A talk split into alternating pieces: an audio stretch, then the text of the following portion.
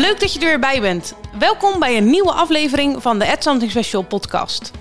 Jasper Buitenhuis en ik gaan het deze aflevering hebben over uitstelgedrag. En mocht je het leuk vinden, deze aflevering kun je ook bekijken. Je vindt hem op mijn YouTube kanaal. Veel kijk- en of luisterplezier.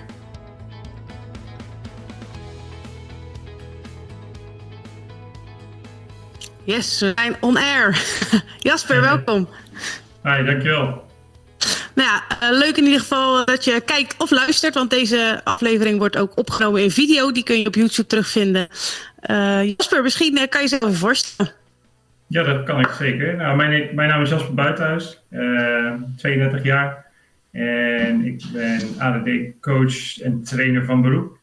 Um, onder andere voor mezelf, voor jasperbuitenhuis.nl en uh, voor addcoaching.nl.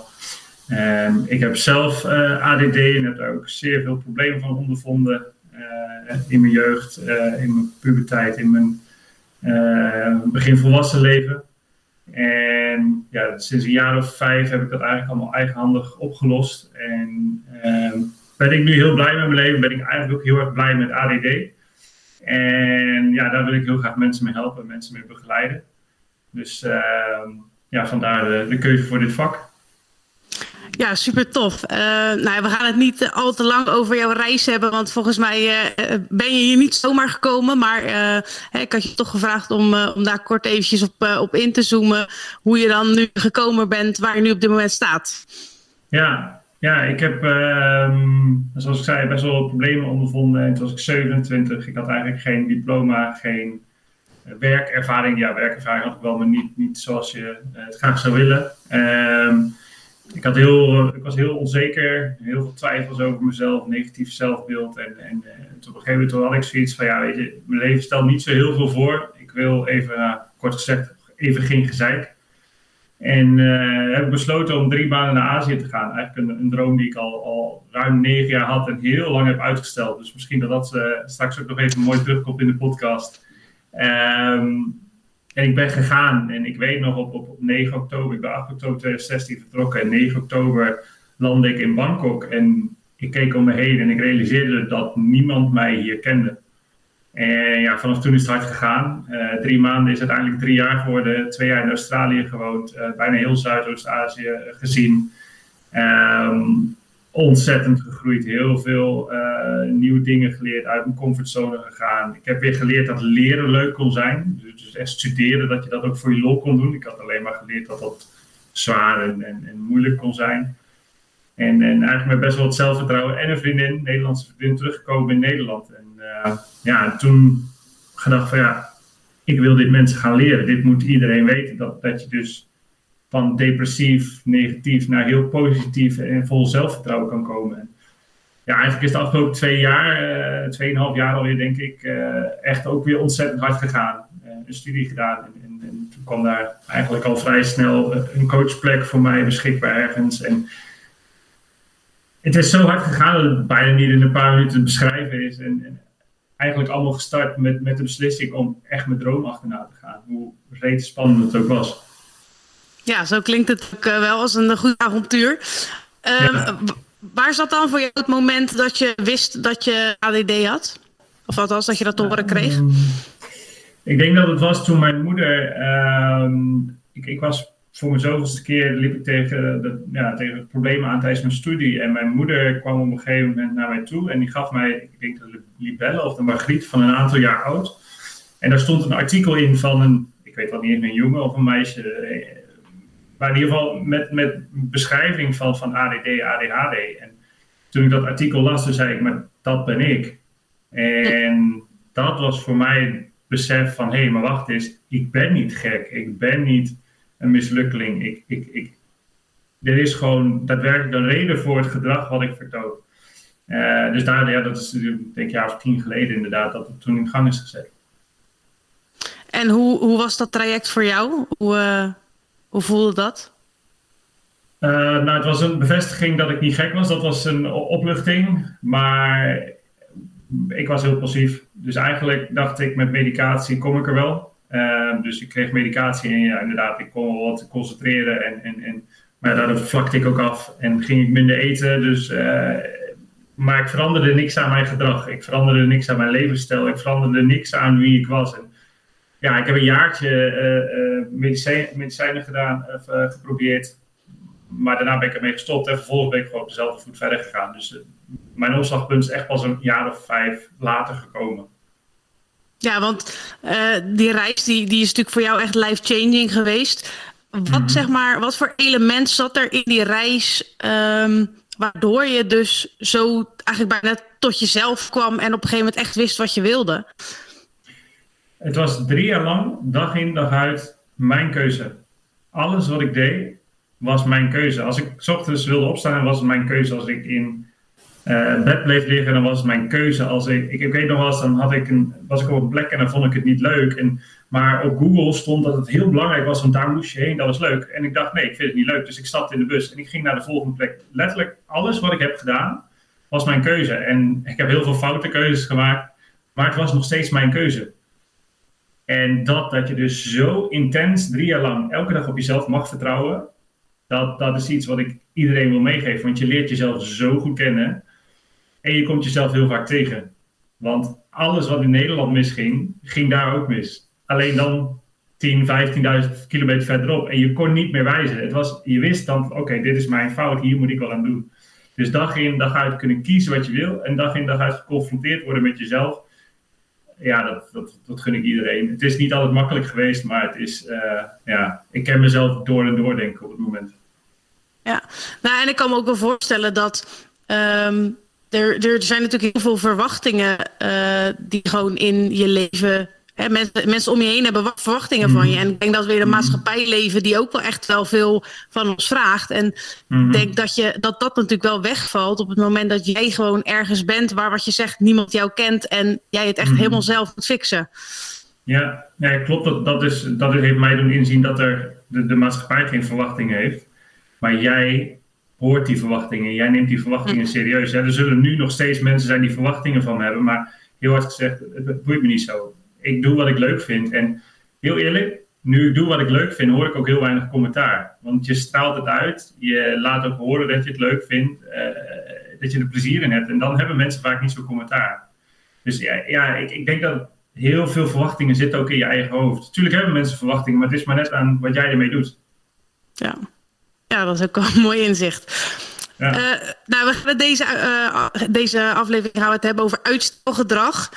Kun jij eens kort omschrijven wat nou uitstelgedrag is? Ehm, nou, in één zin is het uitstelgedrag dat je iets niet doet wat je eigenlijk wel zou moeten of willen doen. Dat is heel kort door de bocht. Uh, het is nog veel gecompliceerder, maar ehm, heel vaak voel je wel of je aan het uitstellen bent of niet. Ik, ik, als ik op de bank lig en mijn vriendin zit aan de andere kant van de kamer en ik lig dichter bij de koelkast en ik zeg tegen haar, joh, wil je wat drinken voor me pakken, dan is dat geen uitstelgedrag, maar dat is gewoon luiheid. Dat is gewoon lui en laks. En dat wil ik ook gelijk uit de wereld helpen. Als je last hebt van uitstelgedrag, ben je niet lui of laks. Het zegt niks over jou als persoon. Het zegt niks over wie jij bent. Uh, uitstelgedrag is eigenlijk een, een signaal van je lichaam dat je iets niet doet op de manier zoals het zou moeten. Dus, dus ik geef altijd de, metafoor met een auto. Hè? Als een auto het niet doet, ga je ook niet uitstappen en tegen die auto aan zitten trappen. Nee, dan ga je de motorkap open doen, hè? of je kijkt er zelf naar, of, of je gaat naar de garage en je laat iemand daar kijken van wat er mis is met je auto. Nou, dat is met uitstelgedrag idem dito. Uh, ik heb heel lang gedacht dat, dat ik lui was en laks, want dat lukte me niet. Maar er zijn zoveel factoren die daar een rol in spelen, waardoor je uitstelgedrag vertoont. Dus, dus ja, in de kern is het, je doet iets niet wat je wel zou moeten of willen doen. Hoe zou je, en ik snap dat dat misschien een heel lang antwoord is, maar hoe zou je, zeg maar, als je dan het metafoor van die auto gebruikt, um, er niet tegenaan trappen, maar die motorkap open doen?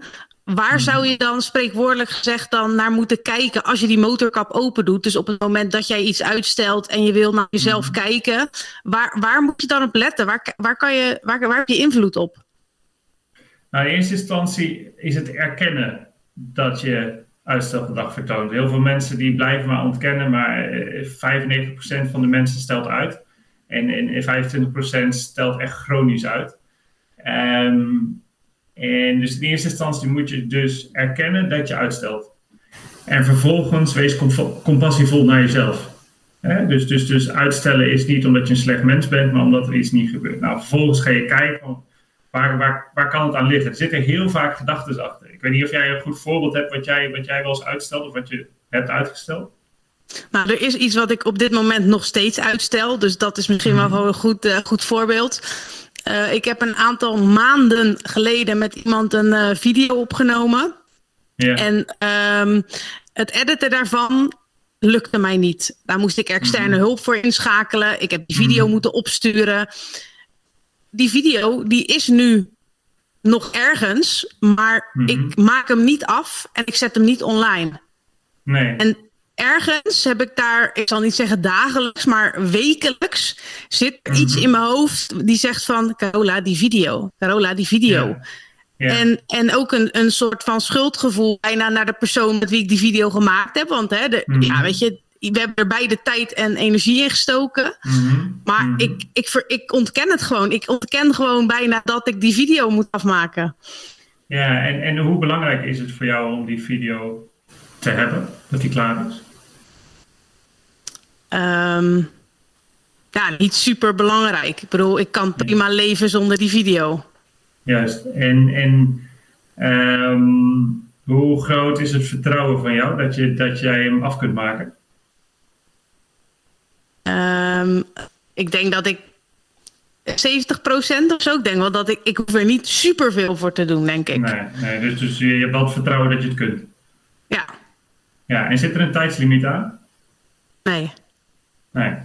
En, en ben je van nature wat impulsiever of heb jij je impuls altijd heel goed onder controle? Nee, dan zou ik over impulsief kiezen. Ja. Nou, dat zijn eigenlijk de vier factoren die ik nu heb opgenoemd, waarvan je er dus al drie hebt. En ik zal eens even, even kort samenvatten. Het vertrouwen. Hoe, groot is jouw vertrouwen dat je, dat je het kunt? Um, hoe belangrijk is het voor je? Dus de waarde. Hoe belangrijk is het voor je dat je dit gaat doen? De tijd, dus het uitstel. Hoe meer tijd je voor iets hebt, hoe, uh, hoe, hoe makkelijker je het gaat uitstellen. En helemaal als er geen tijdslimiet aan zit. En de vierde is eigenlijk hoe impulsiever jij van aard bent, hoe groter de kans is dat jij, hoe meer aanleg je hebt voor uitstelgedrag.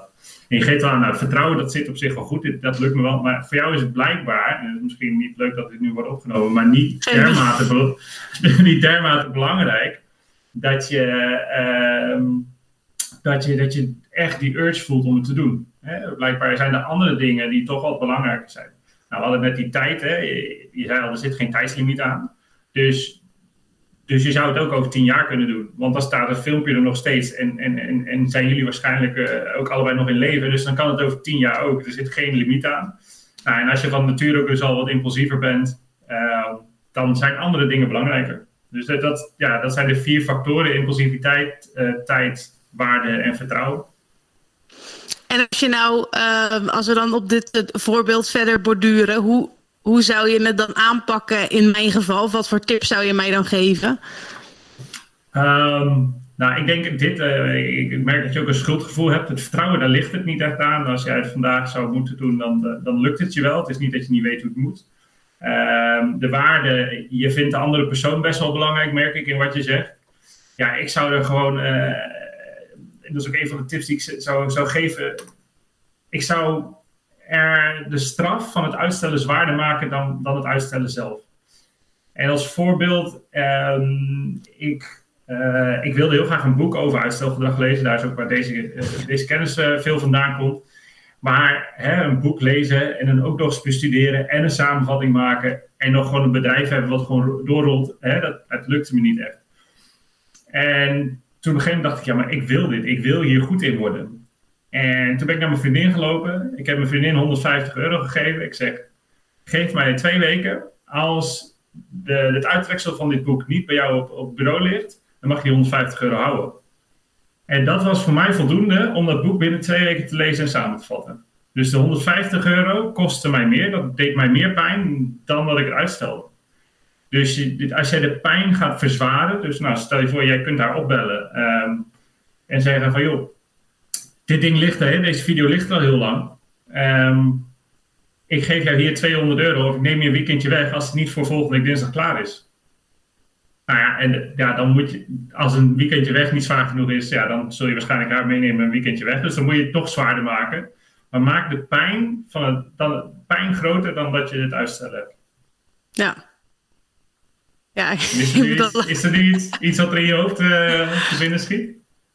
Nou ja, ik denk dat ik wel um, me makkelijk verschuil achter hè, dingen ik niet. Of uh, ja, weet je, ik heb er zelf geen invloed op. Dat je best wel snel hmm. excuses verzint. En wat ik er ook wel, um, wel gek aan vind, is dat zeg maar, je hebt er last van. Maar kennelijk hmm. is inderdaad het niet goed. De, de, de pijn die je ervaart van het niet doen, is zeg hmm. maar niet erg genoeg om er dan iets aan te veranderen. En ja, dat is wel een inzicht voor mij dat ik denk van ja, ik, ik moet dan misschien, hè, die, die tijdsdruk is er niet, maar ja, die kan ik mm. misschien wel gewoon zelf creëren.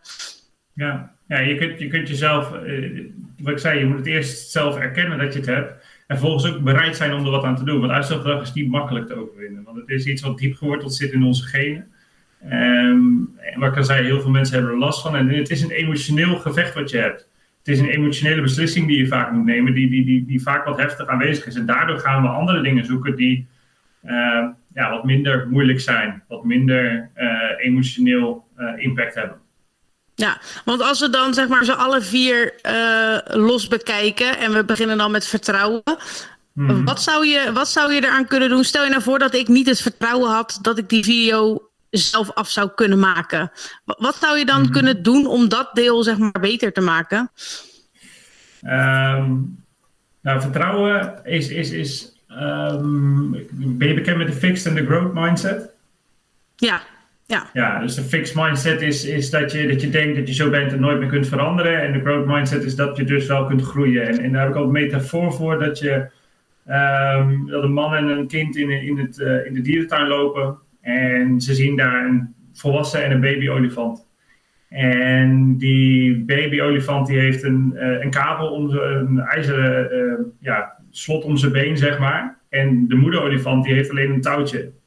Dus dat kind vraagt van, hé, hey, hoe kan dat? Waarom heeft dat kind, dat die, die baby heeft zo'n ijzeren kabel en die, en die vader alleen, die moeder alleen een touwtje? En dan zegt die vader, ja, dat kind probeert nog elke keer los te komen.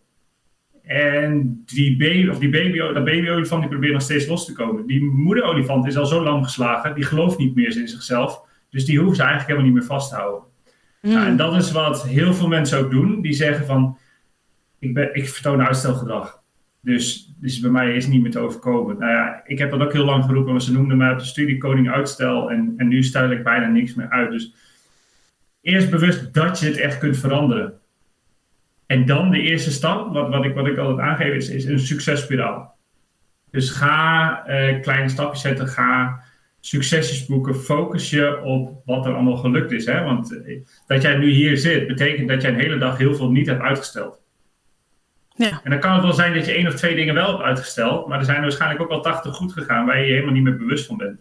Dus je stelt heel veel dingen niet uit. Alleen doordat onze hersenen zo in de trechter komen, zien we alleen nog maar we stellen uit. Dus een successpiraal. Ga kleine succesjes boeken. Nou, dat is heel goed voor het, eh, voor het vertrouwen. En wat ook ontzettend goed voor het vertrouwen is, is doe nieuwe dingen. Hè? Ga uit die comfortzone. Blijf niet zitten op de plek waar je bent, want dan blijf je die moeder die dat uh, touwtje om de benen heeft.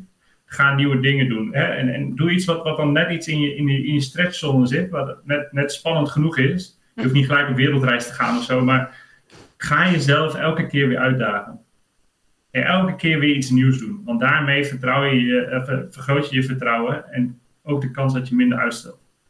Ja, en uh, als we dan kijken naar het tweede punt, uh, dan moet je me wel even helpen, want jij is er denk ik helder uh, er op een rijtje dan ik. Wa waarde. Waarde, ja. Hoe, hoe ja. zou je, want kijk, hele simpele dingen, bijvoorbeeld in het, in het huishouden of zo, dan mm -hmm. kan ik me voorstellen dat er niet per se aan een taak echt een, een waarde hangt. Of, of... Nee, nee. Nou ja, weet ik niet. Het, uh, ik, wat, wat bij waarde heel belangrijk is, is dat het voor jou heel erg belangrijk is. Um, ik denk dat jij de achtergrond heel netjes hebt gemaakt hier.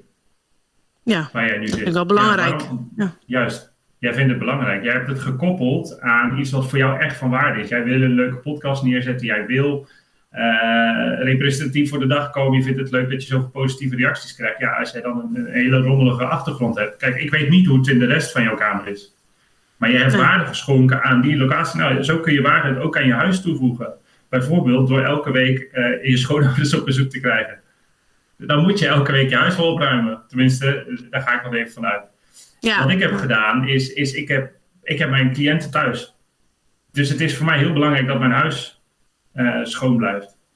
Dus wat, wat ik doe, is, is ik koppel eigenlijk alles aan iets wat heel belangrijk voor mij is. Ik wil heel graag mensen met ADHD helpen. Dus alles wat ik doe, probeer ik, als het even kan, te koppelen aan mijn droom. Dus iets wat echt intrinsieke motivatie oplevert, wat echt belangrijk voor me is. Ja, eigenlijk nog nooit, nog nooit op die manier naar gekeken. Maar dat, uh, ja, wel grappig ook dat je dat ziet. Ja. ja. Maar dat is het belangrijk voor je. Kijk, mensen moeten op zoek naar hun, hun eigen intrinsieke motivatie. We, hebben, we leren vanuit school eigenlijk al van jongs af aan dat we, ehm, dat we iets doen wat, wat de school ons opbrengt, of opdraagt. Wat, wat, je leert, je raakt al je creativiteit kwijt. En, daarom is het probleem dat heel veel jongeren, denk ik, op hun zeventiende amper weten wat ze willen gaan doen en waar ze van aangaan. Maar stop energie in, in wat je echt belangrijk vindt, wat je leuk vindt. Ga op zoek naar wat dat is.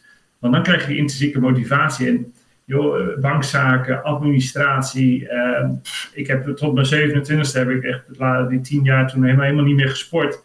Niks deed ik. En nu, nu ik het voor mijn bedrijf doe en voor mijn droom, lukt in één keer weer alles. Het gaat niet over één nacht ijs, maar alles is intrinsiek gemotiveerd.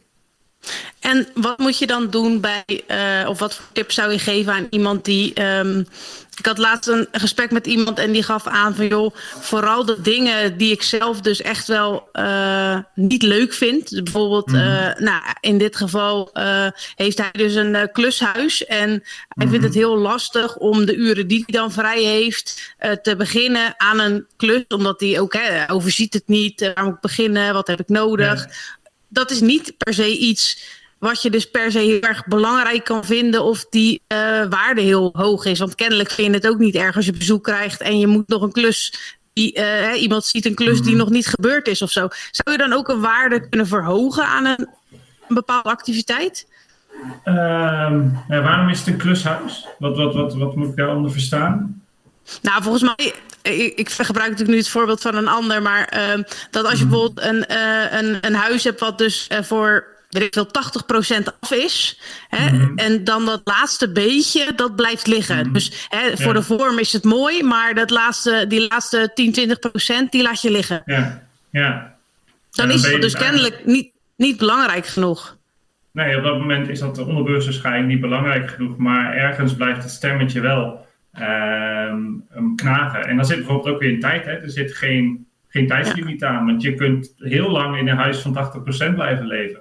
Nou, daarmee kun je jezelf dus weer pijnigen. Nou, ga mensen om je heen erbij betrekken. Ehm, zeg bijvoorbeeld van, nou, hè, dit en dit en dit moet er nog gedaan worden. Nou, dat zijn uh, vijf verschillende dingen. Ik zeg maar wat, er moeten nog gordijnen opgehangen worden, de trap moet nog bekleed worden, uh, de, de, deurbel moet nog geplaatst worden, ik zeg maar wat. Pak ze alle vijf los. Dus niet in één keer 20%, maar pak ze alle vijf los. Dus allebei, uh, allemaal 4%.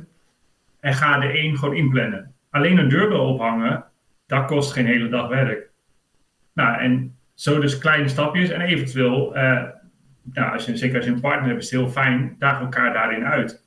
Oké, jij hangt de deurbel op, dan zorg ik dat ik vandaag geen huis stofzuig. Dus daar maken we een spelletje van, maak, want dan komt er wel waarde, dan wordt het leuk. Maak het uitdagender, maak, ga, ga ermee spelen. Het kan best leuk zijn om met uitstelgedrag aan de slag te gaan. Als je eenmaal door hebt hoe je jezelf kunt uitdagen, hoe je jezelf of je partner ook een wedstrijdje van kunt maken, dan, uh, dan ja, wordt het gewoon leuker. Ja, dat is wel een goede tip. Hey, en de volgende, uh, volgens mij hebben we hem hierin al een beetje gecombineerd. Volgens mij is dat de tijd. Ja, ja klopt. Ja, dat is iets um, waar, waar ik dan altijd op, op, ik weet niet of je bekend bent met de Eisenhower Matrix. Dat is eigenlijk, uh, dat zijn vier stukken van, die over een bepaalde, iets zeggen over een bepaalde taak. En dat begint eigenlijk bij één, dat is wanneer het belangrijk is en urgent. Dus bijvoorbeeld, uh, je vriend valt van de trap en hij heeft zijn been gebroken, hij moet naar het ziekenhuis. Nou, dat is één, is, je vriend is belangrijk, maar het is ook nog eens urgent, want je kunt het nou niet drie dagen laten liggen. Nou, dat zijn taken die je eigenlijk vrij rap moet uitvoeren. Dan heb je de, ik laat twee heel even zitten, dan heb je drie. Dat is uh, wel, of niet belangrijk, maar wel urgent. Uh, dat gaat om dingen als dat iemand je opbelt en zegt van ja, hey, ik, uh, ik ga nu verhuizen, kun je me even helpen? Dat is voor die persoon heel urgent. Maar als jij net een podcast aan het opnemen bent, is dat even niet belangrijk voor jou. Nou, en dan hebben we nog het niet urgent, niet belangrijk. En dat is ehm, nou, Netflix kijken, scrollen op je telefoon. Dat, dat, mag je lekker weglaten. Maar die twee, dat tweetje, dat is uh, belangrijk, maar niet urgent.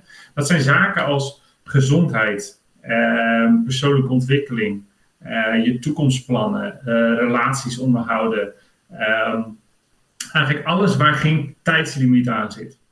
Dus, dus, en dat, laten wij, dat stellen wij heel vaak uit. Dus je hebt tijdslimiet in de zin van: oké, ik moet een scriptie maken en hij duurt zes maanden.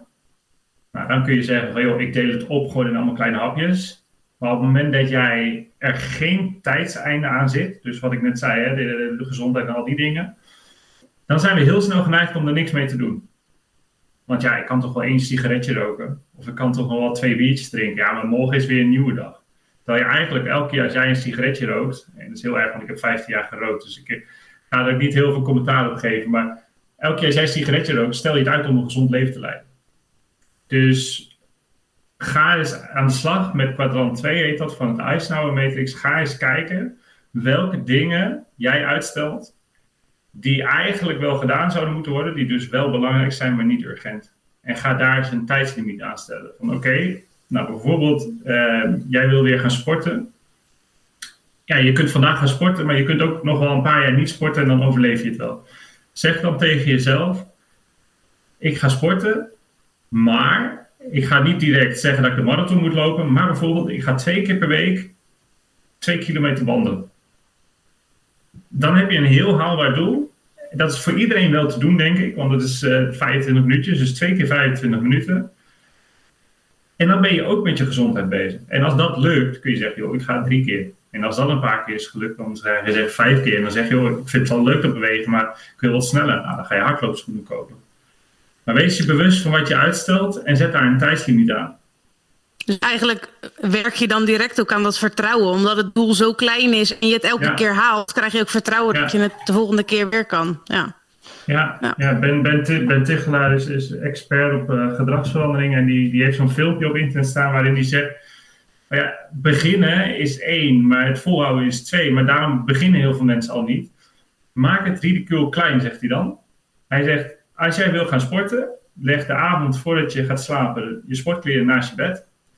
Ga slapen, word wakker, trek je sportschoenen aan en ga weer terug je bed in. Er is niemand die met zijn sportschoenen in bed blijft liggen. Dus dan denk ik, ja, als ik mijn sportschoenen toch al aan heb, dan kan ik ook wel een rondje gaan wandelen of hardlopen. Dus maak die eerste stap zo klein mogelijk dat eigenlijk iedereen het kan. Als je maar eenmaal op gang bent, als je maar eenmaal die successen hebt, dan komt de rest vanzelf. En dat gaat echt niet makkelijk, maar begin. Maar zo klein mogelijk. En niet gelijk van ik moet de marathon lopen of zo. Zie jij ook een link met um, dat stukje van uh, wel belangrijk, niet urgent, dat dat bij mensen die ADD of ADHD hebben ook uh, meer aanwezig is, dat we daar moeite mee hebben? Met, met uitstellen of? Nou, meer echt het, als je nu uh, zo inzoomt op dat uh, wel belangrijk, niet urgent. Ik, mm -hmm. ik hoor best wel heel veel mensen om me heen uh, in de podcast of, of die ik spreek, dat ze op dit gebied, die precies die stap 2, dat ze daar zoveel moeite mee hebben. Zie jij een link of een connectie tussen dat gedrag en ADD of ADHD? En dat ze dan, dat ze dan iets niet belangrijk vinden? Of? Ja, nou ja, dat ze het wel belangrijk vinden, maar niet urgent genoeg om er dan daadwerkelijk mee aan de slag te gaan. Ja, maar dan vinden ze het waarschijnlijk niet belangrijk genoeg. Als jij, of het zit met een stukje vertrouwen, of het zit een stukje. Um, ze willen het hier wel, maar ze weten niet hoe. Dus het vertrouwen is, dat ze het kunnen, is er niet. Dus dat is weer een stukje van het vertrouwen wat dan weer naar voren komt. Dat was bij mij ook, ik, ik wilde wel op reis, maar ik had het vertrouwen niet dat het voor mij weg was gelegd. En ik wilde wel een marathon lopen, maar ja, het, was me zo vaak niet gelukt uh, om, om drie kilometer hard te lopen, laat staan een marathon. En dus er zit heel veel, wat, wat waar wel echt ja, eigenlijk alle factoren wel links zit, is, is, vertrouwen. Je ziet mensen met ADD, ADHD, en niet allemaal, maar heel veel hebben echt wel wat meegemaakt in hun leven. Dus het zelfvertrouwen is regelmatig heel laag. Daarbij is de waarde, ze, als jij naar de hyperfocus vraagt, die heb je vast vaak voorbij horen komen. Als, als ze een hyperfocus hebben, dan kunnen ze vol gas geven. Dan kunnen ze alles, dan lijken ze zoveel meer te kunnen. Dus als het, dan is het dus echt belangrijk, dan kunnen ze het wel. Maar we hebben zoveel moeten doen in ons leven wat niet belangrijk is. Eh, voor mij dan. Zo voelde dat op school. Heel veel vakken die niet leuk waren. Dat je op een gegeven moment ook niet meer weet wat echt belangrijk is. wat je echt wil gaan doen. Tijd, nou, we zijn heel moeilijk in tijd inschatten. Hè? Als wij zeggen dat deze podcast een half uur duurt, uh, voor jou zou het inmiddels, omdat je er wat ervaring in hebt, wat makkelijker zijn. Maar voor mij is het best wel moeilijk om dat uh, in te schatten. Wat is een half uur? En impulsiviteit. Ja, wij zijn van nature wat impulsiever. Dus dat is eigenlijk vierde vakje. Dus daarom zijn mensen met ADD, ADHD ook veel vatbaarder voor uitstelgedrag. Ja. ja, dat klinkt al herkenbaar en logisch of zo. Ja. Hadden we het vierde punt al gehad? Nou ja, het loopt allemaal in elkaar over, maar dat is inderdaad de, de, impulsiviteit. Uh, ik zal heel kort uitleggen hoe impulsiviteit werkt. Dat is, we hebben eigenlijk twee delen in ons lichaam of in onze hersenen. Dat is het limbisch stelsel en uh, je prefrontale cortex. En je limbisch stelsel is eigenlijk, uh, die gaat reageren op angsten, die reageert op, op genot, op, op um, dus eigenlijk wat je, wat je op dat moment direct nodig hebt. Dus als jij tegen iemand zegt die heel erg dorst heeft, wil je drinken? Dan zegt hij gelijk ja. Dan gaat hij niet nadenken van, oh ja, maar ik heb al, nee, die, dat, nou, dat is het oer, oerinstinct wat je eigenlijk wil. En dan heb je die prefrontale cortex. En dat is eigenlijk het gedeelte wat nadenkt, wat uh, verstandige beslissingen maakt, wat um, uh, nadenkt of het wel handig is, die, die, die wat, wat langer termijn denkt. En dat gedeelte is bij ons, die, die, die prefrontale cortex, die, die krijgt bij ons weinig signalen of minder signalen of is wat minder ontwikkeld. Waardoor wij wat sneller geneigd zijn. Nou, misschien ken je het wel. Uh, je hebt besloten om heel gezond te eten. En je zit in een restaurant en een toetjeslijst komt. En in één keer, één keer blijkt gewoon al die goede voornemens lijken helemaal weg. En je denkt, ja, het is lekker toetje. En dan heb je toetje op en dan denk je, oh shit. Wacht even, ik had toch met mezelf afgesproken dat ik geen toetje zou nemen. Nou, en dan is eigenlijk de wisselwerking tussen je uh, prefrontale cortex en het limbisch stelsel niet goed. Dus um, waardoor dat er bij ADD, ADHD dus veel vaker naar voren komt, is die, die prefrontale cortex is vaak van nature wat minder ontwikkeld. Zeg niet dat je hem niet kunt ontwikkelen. Hm. Maar dan, ja, dan zie je dus die impulsiviteit en die zou je kunnen aanpakken met, nou wat ik net zei van, uh, je zou de pijn groter kunnen maken. Dus dat je, dat je bijvoorbeeld die 150 euro die ik aan mijn vriendin gaf. Maar ook uh, als ik, uh, nou bijvoorbeeld nu met de podcast, ik heb alles wat ook maar geluid zou kunnen maken, heb ik uitgezet. Mijn telefoon, de deurbel. Dus ik wil niet gestoord worden. Dus op het moment dat jij moet leren uit een boek, trek de stekker van het internet eruit, trek de stekker van de computer eruit, leg je telefoon in een keukenla of geef hem aan je moeder, ik wat. Maar pak jezelf zo in dat je alle kans van verleiding uitsluit. Nou, er zijn heel veel mensen die bijvoorbeeld naar de bibliotheek gaan om te leren. Nou, dat, is een, dat is een vorm die je zou kunnen doen. Uh, uh, je zou, uh, ja, hoe zeg je dat? De, de, de, wat wil ik nou zeggen, de verzadiging. Ja, zorg dat je in ieder geval, als je bijvoorbeeld honger hebt, um, dat je in ieder geval iets hebt gegeten. Um, wij hebben altijd als mijn vrienden naar de supermarkt gaan, zij moet altijd van tevoren eten. Zij van, mij moet zij echt van tevoren eten, voordat ze naar de supermarkt gaat. Als zij honger heeft in de supermarkt, dan, dan maakt ze de meest rare uh, gerechten in de hoofd. Oh, dit moeten we hebben, dit moeten we hebben, en dat hebben we nodig, en dat hebben we nodig. Dus je moet jezelf van tevoren verzadigen. Uh, als jij bijvoorbeeld iets belangrijks moet doen op een dag, uh, je moet leren, zorg dat je ook tussendoor tijd hebt om wat leuks te doen. Plan dat alvast in. Als jij de hele dag zegt ik moet leren, dan is het heel verleidelijk om andere dingen te gaan doen. Als je zegt ik moet een half uur leren, maar daarna mag ik een kwartiertje iets leuks doen, dan wordt het half uurtje al een stuk makkelijker. Ja, ja dat klinkt wel logisch. Ja. Ik heb uh, op Insta nog een vraag gezet. Uh, die pak ik er even bij, dan kunnen we die misschien ook eventjes doornemen.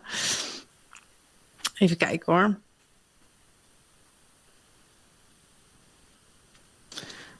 Um, hoe kun je over de drempel heen om uh, te starten? Dus je hebt een taak die je moet doen en uh, de drempel is te hoog om überhaupt te beginnen. Um, mm -hmm. En ook wel de tijdblindheid wordt het genoemd in deze vraag. Mm -hmm. Uh, dus inschatten hoe lang duurt iets en over de drempel heen stappen om dan daadwerkelijk te starten. Ja, wat, wat ik daarvoor zou adviseren is de vijf minuten regel. Um, vaak is het beeld wat jij hebt van een taak, die maakt dat het, uh, dat het je tegenhoudt. Dus bijvoorbeeld, jij, jij moet een boekverslag schrijven en je moet een boek lezen en je moet een verslag schrijven en dan moet het ook nog ingeleverd worden. En dan denk je, ja, dat is zoveel, daar ga ik niet aan beginnen, want je kunt niet inschatten hoeveel tijd het kost. Nee, maar je kunt wel de inleiding lezen van het boek. Nou, dus ga vijf minuten aan die taak zitten. En ben je na vijf minuten nog steeds iets van nee, dat gaat het niet worden, oké prima. Maar dan heb je in ieder geval vijf minuten geprobeerd. Maar heel vaak zie je, als je even vijf minuten bezig bent, heb ik me eigenlijk druk gemaakt. Ja. Waar heb je je eigenlijk moeilijk over gedaan? Eh, maar het, het zit zo in je hoofd. Je hebt zo'n verhaal gemaakt in je hoofd. Begin gewoon vijf minuten en lukt het niet, dan mag je alsnog stoppen. En dan hoef je ook boos op jezelf te zijn. Dan mag je gewoon stoppen. De vijf minuten regel. Ik ga hem onthouden. Ja. Uh, wat is een goede manier om uit je gedachten te stappen en over te gaan tot actie? Um, ik zou opschrijven. Ik, um, wat ik merk bijvoorbeeld als ik, als ik, um, ik coach, maar ik heb ook een training die ik geef. En ik ben zelf ook begonnen met een podcast opnemen. En ik wil een online training gaan maken. Op een gegeven moment wordt het dan zoveel dat het in mijn hoofd, nou lijkt het wel te ontploffen. En dan lijkt het zo ontzettend veel wat ik moet doen. En dan denk ik, ja, inmiddels weet ik, oké, schrijf het maar gewoon even op. Nou, er zijn er al heel veel taken die afvallen, die, die je niet kunt doen op dat moment. En ga dan maar eens nummeren wat er het echt belangrijk is. Stel je voor dat morgen de wereld zou vergaan, welke taak zou je dan als eerste willen hebben gedaan? Hm. Nou, en schrijf het eerst op wat het allemaal is. Want vaak is het in je hoofd, bij ons is het vaak chaos in ons hoofd, is het veel meer dan dat het daadwerkelijk is. Schrijf het op en ga eens kijken van, joh, wat kan ik nu echt doen? Wat kan nu echt van waarde zijn? En laat de rest even voor wat het is. Ja, je zag het misschien al. Ik moest, ik moest net behoorlijk lachen toen je zei van uh, schrijf dingen op. Ik, het was misschien wel een mooie anekdote om even te noemen. Ook een stukje bekenning van. Ik had uh, van de week, vorige week had ik een aantal calls met mensen die hadden gevraagd: joh, mag je podcast komen? Dus ik had denk ik echt in, in drie dagen tijd, ik denk zes, zeven verschillende mensen gesproken. En um, daar had ik ook meteen podcastopnames mee ingepland. Maar ik had tijdens dat, dat intakegesprekje wat ik dan even heb, had ik eigenlijk bij geen gesprek meegeschreven. Omdat ik echt ik denk van joh, dit onthoud ik wel. Weet je, ik, ik, maar, maar ik, heb, ik heb geen gezicht bij iemand. Ik heb alleen iemand zijn stem even aan de telefoon gehoord. En toen stond er dus, uh, de week later, stond er in de agenda om uh, 12 uur podcastopname. Mm En ik loop naar boven en ik zet alles klaar. En ik zit na te denken. Ik denk, maar met wie heb ik eigenlijk een podcastopname? Ik wist het gewoon oprecht niet. En dan, dan zie je ook wel dat we onszelf vaak ook een soort van overschatten. Van ja, weet je, dat onthoud ik wel. En, en uh, toen gelukkig ging ik even terugscrollen. En toen dacht ik dus aan welk telefoonnummer ik gebeld had. Van oh ja, met die had ik volgens mij dan vandaag. En toen uiteindelijk, toen, toen wist ik het wel weer. Maar dat zijn natuurlijk echt momenten waarvan ik dan echt denk van... Oh, weet je, dat is zo belangrijk om het allemaal gewoon op te schrijven. En... en ja, ja we, onderschatten, we overschatten onszelf, dat zeg je heel goed. Ehm, maar wat je ook doet als jij dingen opschrijft, is uit je hoofd halen. En alles wat uit jouw hoofd is, kost geen energie meer. Het is onzin dat je denkt dat als je het onthoudt, dat het gewoon uit je hoofd is. Nee, het zit er altijd in. Dus het neemt altijd ruimte in.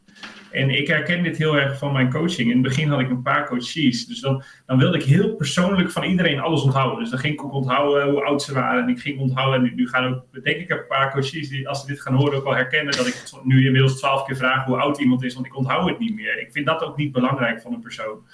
Uh, maar ik ging alles onthouden, want dat vond ik heel belangrijk. Maar op een gegeven moment kreeg ik veel meer klanten. Ik kon dat niet onthouden. En soms zit je zo lekker in het gesprek en dan vergat ik op te schrijven. Dus ik moet altijd van mijzelf na die tijd even een kleine samenvatting maken.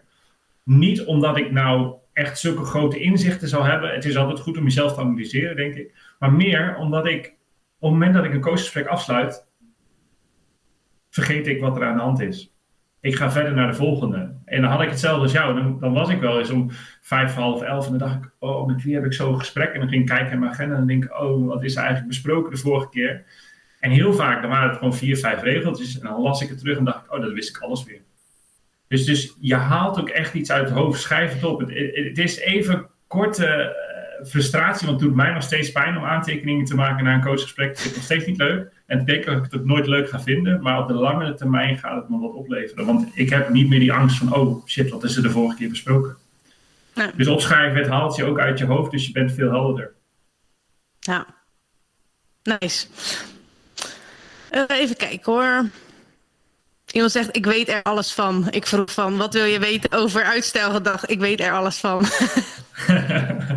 Wie zou dat zijn? Even kijken hoor.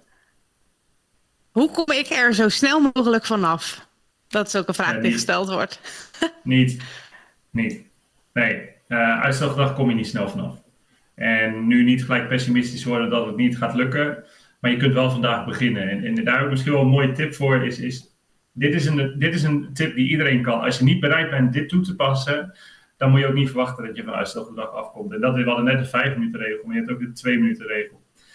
En er zijn heel veel taakjes eh, die je in 2 minuten kan doen. Dus loop jij langs de vaatwasser en hij moet uitgepakt worden. Nou, twee, drie minuten max, denk ik. Dan is je vaatwasser wel leeg of je moet een hele grote vaatwasser hebben.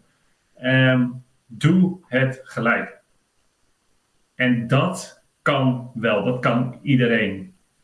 Daar kun je mee beginnen, want soms ben je zo murgebeukt dat, dat heel veel dingen heel veel energie kosten.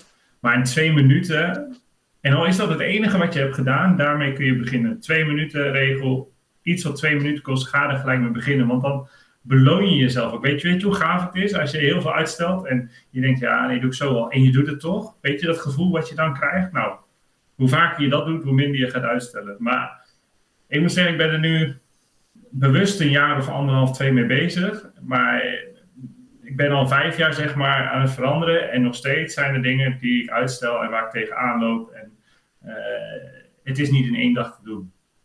Het is dus, bijna, een, bijna een soort vindingbaard kunst of zo. Ja, het, is, het, is, het zit ook in onze genen. Dus het is ook heel chronisch. We zijn altijd druk. Hè? De maatschappij is altijd druk. Ehm, nou, dat is denk ik een van de grootste boosdoeners voor, uh, voor uitstelgedrag. Is als jij roept druk, druk, druk, druk, dan moet je heel snel naar je agenda gaan kijken en, en dingen gaan schappen die niet belangrijk voor je zijn. Iedereen heeft evenveel uur in een dag, iedereen heeft evenveel dagen in een week. En hoe komt het dat de een extreem druk is, druk, druk, druk, druk, en de ander eigenlijk een heel ontspannen leven heeft? Dan heb je waarschijnlijk je prioriteiten niet goed. Dus, ja, dus, ik, vind, uh, ik, vind, het mooi. Ik, hoor, ik, ken ook iemand die gebruikt dan altijd het voorbeeld van... Um, als iemand inderdaad zegt, uh, ik ben druk, dan zo van... Ja, maar kijk eens in, uh, weet ik veel, uh, nou ja, noem, weet ik veel, Mark Rutte of zo, weet je wel. Ja. Hoe, hoe, hoe, druk heeft hij het dan, weet je wel, vergeleken met ja. jouw agenda? Ja. Ja. ja. we zijn heel vaak druk in ons hoofd, hè. Want ik hoor het ook heel vaak hoor, in, in, in, hier in de praktijk dat mensen zeggen, ik ben druk. En dan ga ik een beetje doorvragen. En dan vraag ik om hoeveel uur ze op de telefoon hebben gezeten. Dus even het telefoonscherm erbij te pakken. En dan staat hij op 3,5 uur. Ik weet je wat jij in 3,5 uur kunt doen? Ja, dan heb je niet zo druk meer. Ik wil nu ook iedereen uitdagen die nu luistert. Ga jij eens even op je beeldscherm, op je telefoon kijken hoeveel tijd jij op je telefoon hebt gezeten. Nou moet jij eens kijken wat jij in dat tijdsbestek had kunnen doen. Alleen dat zijn die kortstondige dopamine shotjes die we krijgen. We willen alles. Um, ik had het toevallig gisteren met Bas de Blauwe volgens mij over van vroeger, dan ging je naar de videotheek en dan, ja, dan haalde je een videoband of een dvd. Nou klink ik wel heel oud trouwens, maar dan kwam je thuis en dan ging je die video kijken. En als die niet leuk was, had je pech. Dan keek je maar af. Nu kijk je een video, als die, of een video, kijk je uh, iets op Netflix, en is die niet leuk, na 10 minuten schakel je over naar een andere, en een andere, en een andere. We zijn zo gewend om heel snel iets te krijgen voor heel weinig inzet. Ja, en, en dat werkt nog steeds niet zo uh, ja, het kost inderdaad tijd om dingen te veranderen. En, en wees maar bereid om eens even een keer nee te zeggen tegen iets. Uh, wees zuinig op je eigen tijd en op je eigen gezondheid. Ja. De volgende vond ik wel een soort van bijna pijnlijk of zo. De link met luiheid. Dus ja, deze persoon ervaart kennelijk wel dat er dus een link is naar luiheid of zo. Dat, ja, dat vind ik best wel toch is best wel uh, erg. Ik heb, ik heb het ook heel lang als luiheid gezien. Uh, maar als het pijn doet, denk ik niet dat het luiheid is. Ik denk dat het dan uitstelgedrag is en dan moet je gaan opzoeken. Kijk, op wat ik zei aan het begin, als ik op de bank lig en ik vraag mijn vriendin om wat drinken te pakken voor me. Ja, dan denk ik alleen maar wat een debiel ben je dat je dit doet. Maar ik vind het wel even lekker dat mijn vriendin dit doet. Ja, dat is luiheid. Ja. Maar op het moment dat het echt pijn doet, ja, dan, dan, dan is het vertrouwen is misschien wat te heftig beschadigd. Je bent misschien wel zo moe. Je hebt zoveel van jezelf gevraagd. Dat je gewoon echt helemaal leeg bent. Ja, dan. Misschien. Ja, het is zo'n combinatie. Het is heel ingewikkeld. Maar ik, ik, wil echt op het hart drukken dat als jij echt last van chronisch uitstelgedrag hebt, dat het niks te maken heeft met luiheid. maar het is een, motorkap die, die heel ingewikkeld in elkaar zit. Hm. Dus ja, je bent niet geboren als, als lui persoon, als baby. Ja, misschien wat luier aan aanleg, maar als je echt uitstelgedrag hebt, dan heeft dat veel meer, uh, veel verschillende factoren die een rol spelen. Ja. Waarom stellen we uit? Waarom stellen we uit? Ja, ik denk dat een beetje wat ik in het begin zei. Hè? Uh, die verschillende factoren die een rol spelen. Uh, we stellen uit omdat het impuls wat we kunnen krijgen, wat, we, wat, wat op dat moment aanwezig is, wat je, wat je eigenlijk heel graag wil. Um, ja, hoe zou ik het zeggen? Je kiest voor de korte termijn in plaats van voor de lange termijn. Dus we gaan voor korte termijn geluk, de lange termijn pijn. Terwijl het eigenlijk andersom moet zijn. Je moet voor de lange termijn geluk gaan, maar dan wel eerst korte termijn pijn ervaren. En dat is doordat alles voorhanden is. Alles is, je kunt alles krijgen wat je wil. Als jij een date hebt gehad, is niet leuk. Zet je Tinder aan, heb je zo weer een nieuwe date. Ja, eh, was, vroeger was dat niet zo. Toen moest je er meer moeite voor doen. En dus, dus het is veel makkelijker om elke keer aan het kortstondige geluk te komen. Er is veel meer afleiding, tv, laptops, telefoons. Het is zo, daarom stellen we steeds meer uit. De, de percentage van het uitstellen is ook ja, heel erg omhoog geschoten de laatste 20, 30, 40 jaar. Eigenlijk sinds de televisie er is. Dus dat is al, uh, dat is al weer wat langer, denk ik. Ja, ja dat is ook al logisch. Ja. Even kijken. Moet ik het accepteren of mezelf aanpakken? Het is vaak een teleurstelling. Uh, nou ja, het is altijd je eigen keus, denk ik. Uh, het is zeker een teleurstelling. Mm, en accepteren dat je er aanleg voor hebt, dat is goed.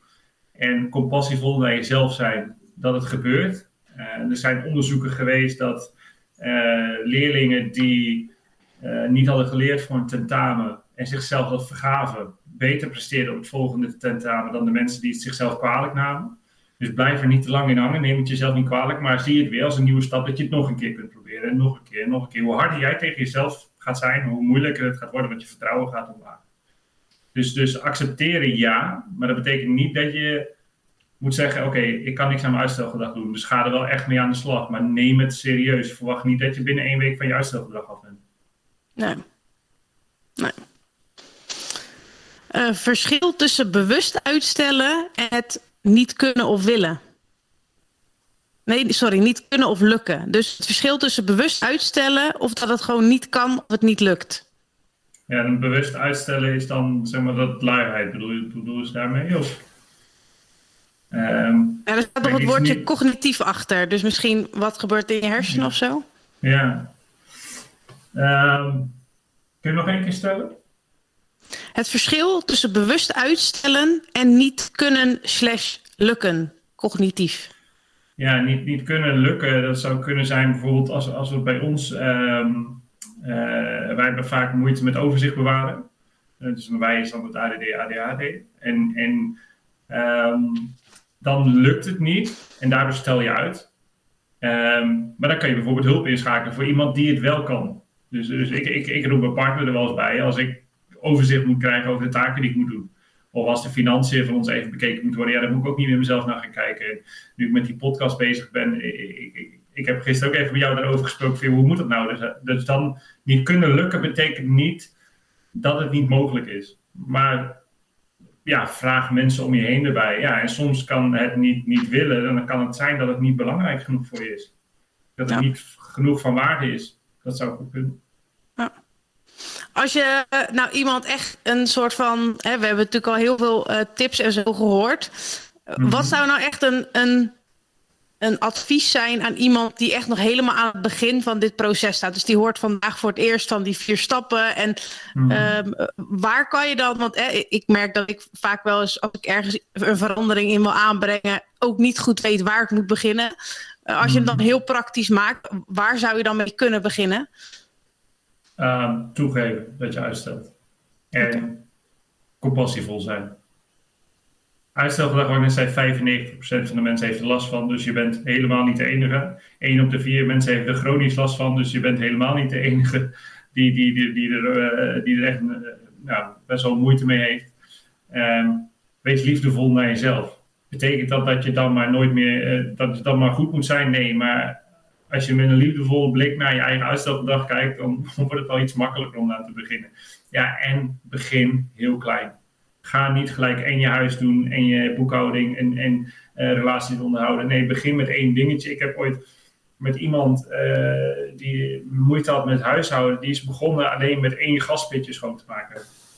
Want dat was voor haar op dat moment echt al heel zwaar.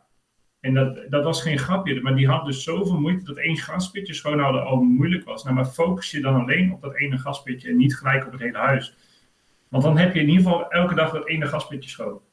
Hm. En dat klinkt misschien heel klein, maar hoe kleiner het wordt, hoe makkelijker is het om te behalen en hoe succesjes gaan behalen.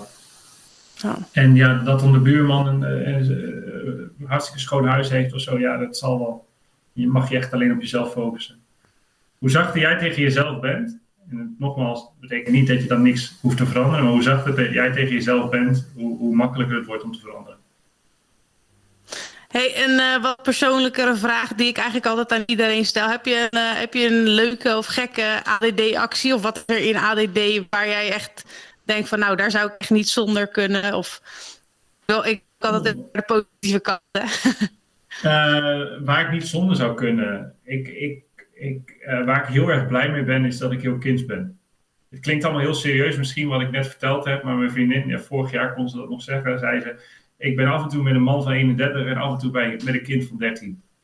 En ik vind dat heel leuk. Ik, ik, ik ben wel volwassen, ook volgens de wet, maar af en toe ik vind het net zo leuk om met kinderen in de modder te springen, zeg maar. En ja, of dat ADD is of, of hoe, hoe ik ben als persoon, maar dat speelse, dat, dat, dat vind ik echt heel leuk. En dat, eerst heb ik me daar heel lang voor geschaamd, maar nu heb ik zoiets van nee, dat maakt ook wie ik ben. En uh, ja, dat vind ik heel leuk eraan. Ja, en dat hoeft niet iedereen te zien, maar als je bijvoorbeeld je partner het kan waarderen en je er samen lol kan hebben, dan uh, ja. Zeker, zeker. Ja, ik kan, ik kan van heel serieus naar heel kinderachtig gaan. ja, dat herken ik wel. Hey Jasper, als afsluiter, um, hoe, uh, hoe kunnen mensen jou vinden en wat voor, uh, um, nou, wat, wat, wat bied jij mensen, zeg maar? Uh, je kunt me sowieso vinden via mijn eigen website, dus jasperbuitenhuis.nl. Op dit moment bied ik coachtrajecten aan en geef ik met, in, in samenwerking met addcoaching.nl uh, bied ik trainingen aan. Ik geef trainingen aan jongeren tussen de 18, 17, 18 en de 24. Op het gebied van uitstelgedrag, op het gebied van, concentratie. Uh, dan ga je twee dagen lang, uh, duik je de diepte in met, een stuk of tien andere mensen met uh, jongeren met ADD. Dus je ziet ook heel veel herkenning. Dus dat, daar, is, uh, daar is een optie uh, voor, kun je op mijn website vinden of op add-coaching.nl. En ik ben ook sinds vorige week, want dat stelde ik dus ook uit, ook een podcast begonnen. Uh, die vind je op dit moment alleen nog op YouTube. Dat is Succesvol Leven met ADD. ik ben ondertussen bezig om het ook op Spotify te krijgen. Maar goed, daar, daar loop ik nog wel tegen wat vertrouwenspuntjes aan. dus zo kun je me vinden. En op Instagram ook jasperbuitenhuis.nl. Oké, top. Ik zal uh, je linkje hieronder nog wel eventjes uh, neerzetten. En dan kunnen mensen je makkelijk vinden. Jasper, onwijs ja. bedankt voor, je, voor het delen van je kennis. Uh, leuk om je ja, in de podcast gedaan. te hebben. En nou, misschien... Nog een klein, klein vraagje stellen. Dus heeft ja, helemaal niet meer overlegd hoor. Dus je kunt hem er ook nog uitknippen als je wil. um, ik ben met een idee bezig. Ik wil er nog niet te veel over zeggen. Um, maar ik ben bezig met iets waarvoor ik een goed doel nodig heb en om, om geld voor op te halen. En ik ben op zoek naar eigenlijk een, een, een, stichting, een instantie, een actie wat iets te maken heeft met ADD, ADHD, die wel een financiële boost kan gebruiken. Dus ik heb een persoonlijke actie die ik op touw wil zetten, waar ik mezelf ga uitdagen, waarin ik een bedrag wil op, ophalen die ten goede komt aan ADD, ADHD. Want heel vaak is het KWF of, of, of allemaal dat soort dingen. En heel blij dat het gebeurt, maar ik zie eigenlijk nooit um, iets van ADD, ADHD voorbij komen. Dus ik ben benieuwd of als iemand dit hoort, of, of ze een, een stichting of een actie of iets, of onderzoek, misschien dat er onderzoek gedaan wordt waar, waar geld naartoe kan gaan. Uh, neem even contact met me op. Um, ik ga namelijk het plan nog uitwerken, want anders zet ik me nu gelijk vast aan wat ik precies ga doen. Maar ik ben even benieuwd naar een, een, goede, ja, goed doel. Is het een sportief doel of niet? Ja, combinatie. Ja, ik kan wel iets over, ik kan wel heel iets over toelichten. Ik heb uh, best wel, ik heb uh, verslaving gehad, ik heb best wel veel gedronken in mijn leven. En ik ben sinds, uh, ja, fuck, ik ga het ook gewoon vertellen. Ik ben, sinds 1 januari uh, gestopt met drinken. En de laatste jaren dronk ik al niet zoveel meer, maar het bleef wel een ding in mijn hoofd. Dus op een gegeven moment heb ik gezegd, nou, ik wil een half jaar niet drinken. En daarna heb ik gelijk eraan vastgeknoopt. Want ik heb twee jaar blessures gehad dat ik de halve marathon wil gaan lopen in juli. En die twee combinaties dacht ik, om dat vol te houden, wil ik daar ook graag geld voor ophalen om iets wat dan te goede komt aan ADD, ADHD. Dus, dus ja, dat is een beetje mijn idee. Hoe ik het precies ga invullen, weet ik nog niet. En waarschijnlijk heb ik mijn mond alweer voorbij gepraat. Maar goed, nu kan ik niet terug. Hè? Dus Daarom. Wat betreft, wat betreft uitstelgedrag is dit ook gelijk een goed teken van maak de pijn maar groter dan, uh, dan, je, dan, je, dan je de kans komt uitstellen.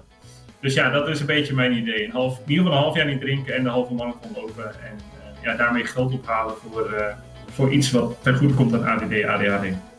Ja, super tof man. Ik, uh, als je daar hulp in nodig hebt, dan ga ik je daar zeker ook in helpen. Ja. Maar goed, inderdaad, als dus iemand luistert en die denkt: hé, hey, ik, ik weet wel waar dat geld goed terecht komt, dan laat het alsjeblieft aan Jasper weten. Ja, super tof. Een sturen. Ik hoop dat je er ook over online gaat posten, want dan kunnen we je volgen en je in de gaten houden of het lukt. Ga ik doen. Komt helemaal goed. Is goed. Hey, bedankt. Graag gedaan. Jij ook bedankt. Jo, doei. Doei. doei.